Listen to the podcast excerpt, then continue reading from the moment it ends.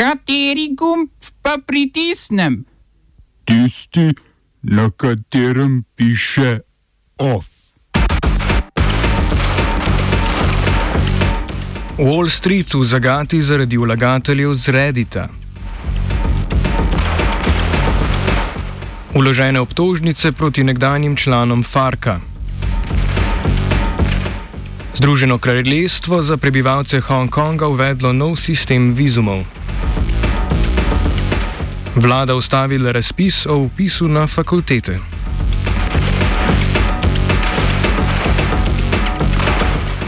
Dober dan. Uporabniki Reddita so vlagatelje na Wall Streetu prisilili v vračanje delnic verige trgovin z računalniškimi igrami GameStop, za katero so hedge skladi predvideli, da bo propadla. Delnice GameStopa, ki ga je med epidemijo pestila slaba spletna prodaja, so vlagatelji kupovali s kratke borzne pozicije, s čimer so stavili na nižanje cene delnic GameStopa. Presenetili so jih uporabniki spletnega omrežja Reddit, ki so začeli delnice verige z računalniškimi igrami množično kupovati. Skladi so tako morali delnice vračati po višjih cenah, s tem pa so izgubili velike količine denarja, saj celni, cene delnic ne padajo, pač pa potenčno naraščajo. Izgube hedge skladov so zaradi neetičnih postopkov pozdravili v demokratski stranki. Skladi, katerih izgube ocenjujejo na približno 60 milijard evrov, pa so napovedali kongresno zaslišanje uporabnikov Reddita.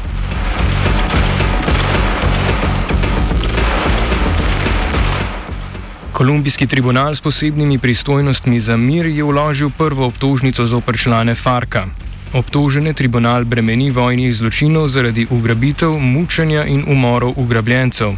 Gre za osem nekdanjih članov sekretarjata, najvišjega organa te organizacije. Med njimi so tudi člani politične stranke Comunes, v katero se je FARC prelevil po doseženem mirovnem sporazumu. Po določilih sporazuma prinaša predhodno priznanje krivde obtožencem milejše omejitve potovanj. Če krivde ne priznajo in jih sodišče spozna za krive, pa, jih, pa jim grozi do 20 let zaporne kazni.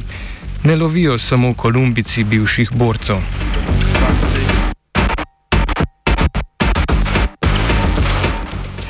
Španska policija je aretirala nekdanjega urugvajskega polkovnika Eduarda Fera, proti kateremu je bila razpisana mednarodna tiralica zaradi zločinov proti človeštvu v času vojaške diktature med letoma 1973 in 1985.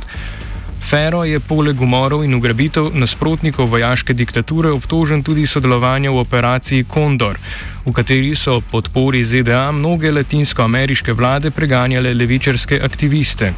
Fero je po koncu diktature živel v španski pokrajini Valencija, kjer so ga v skupni operaciji Interpola ter urugvajske in španske policije prijele oblasti. Fera so na zadnje videli leta 2018, ko se je uspešno izognil aretaciji, od takrat pa se je očitno skrival na španskem podeželju. V brazilski zvezdni državi Amazoniji se spopadajo z novim obsežnim valom okužb z virusom SARS-CoV-2. Novi val ni presenetil zgolj nekompetentnih oblasti, temveč tudi znanstveno skupnost.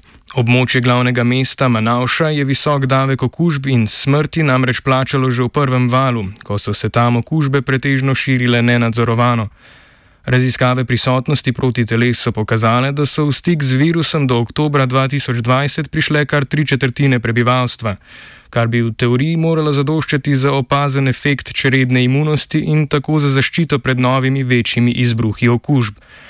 V komentarju, objavljenem v reviji Lancet, so raziskovalke in raziskovalci predlagali več vzrokov, ki bi lahko pojasnili opaženi drugi val okužb v Amazoniji. Poleg možnega upada imunske zaščite po preboleli bolezni, od prvega vala je minilo 7 do 8 mesecev, veliko skrbi in nejasnosti prinašajo predvsem novi različki virusa. Na območju Amazonije so nedavno identificirali dva različka virusa, P1 in P2. Opazili so tako posamezne primere ponovnih okužb s tema različkoma, kot tudi zmanjšano učinkovitost neutralizacije s proti telesi, pridobljenimi iz krvne plazme prebolelih. Primer ponovnega izbruha okužb v Amazoniji jasno kaže, da naravno prekuže, prekuževanje populacije ni izbira, ki bi nam omogočala gotov izhod iz pandemije.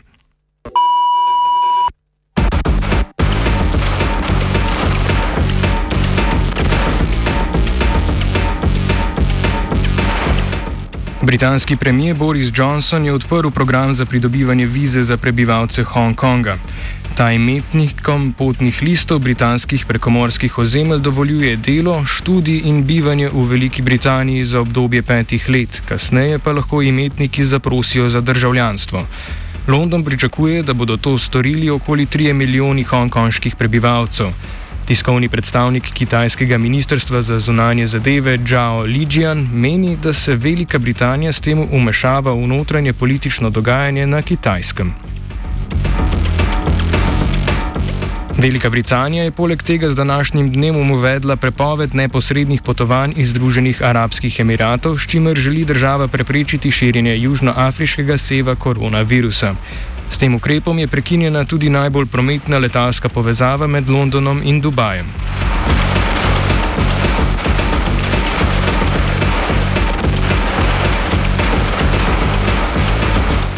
Mjanmarske oborožene sile ne izključujejo preklica ustave in izidov novembrskih volitev.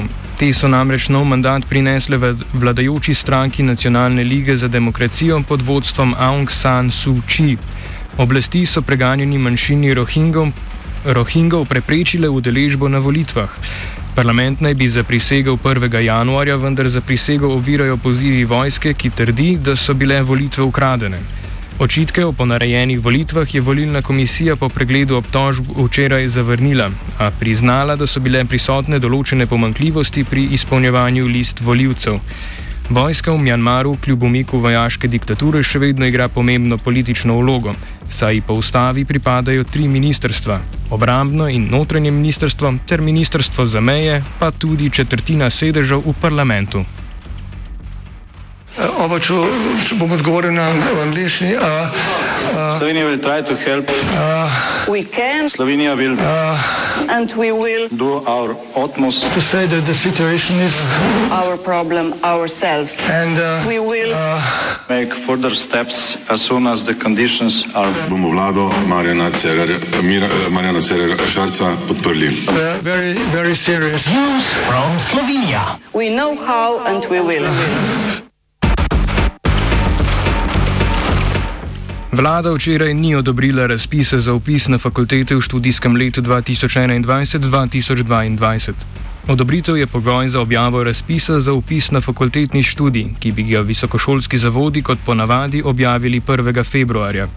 Premijer Janez Janša naj bi namreč menil, da je treba ugotoviti, kateri poklici bodo ključni na trgu delovne sile v prihodnosti in na podlagi tega prilagoditi število upisnih mest v študijske programe. Rektor Ljubljanske univerze Igor Papič pa pravi, da je takšno ravnanje nevarno za prihodnost letošnje generacije.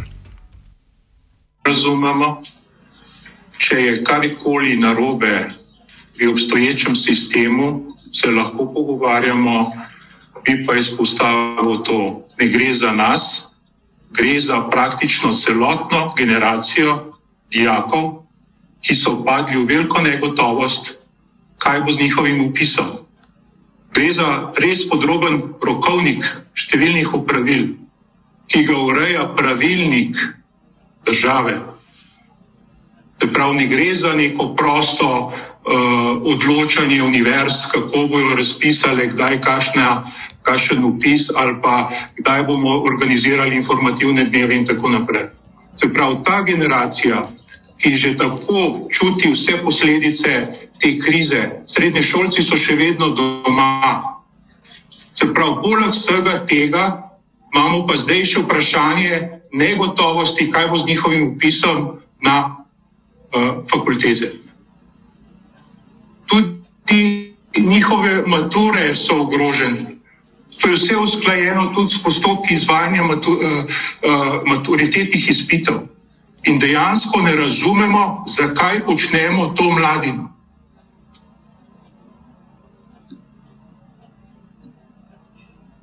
cela generacija.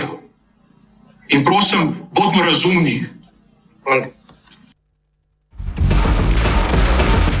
Brez objave razpisa za upis na fakulteto študenti ne pridobijo ustreznih informacij o novih študijskih programih in številu upisnih mest za posamezne programe, kar otežuje njihovo odločitev pri obisku informativnih dni in samem upisu. Več ob šestih v komentarju univerzitetne redakcije pod katedrom.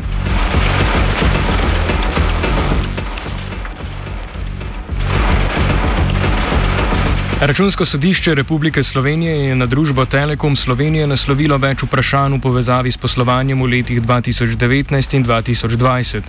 Ta naj bi se večinoma nanašala na poslovanje družbe pri prodaji Planet TV mačarski družbi T2, ki zaradi pogojev transakcije zbuja dvome o pravilnosti postopka pri pristojni pravni instituciji. Če da bo računsko sodišče ugotovilo večje odstopanja, bo uvedlo obširnejšo revizijo poslovanja.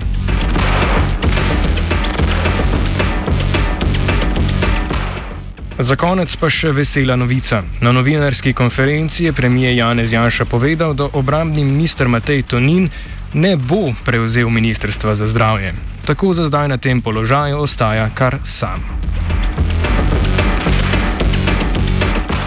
Off so spisali Koruza in vajenci Dom, Dominik, Matija in Mojca. Znanstveno novico pa je prispeval Uroš.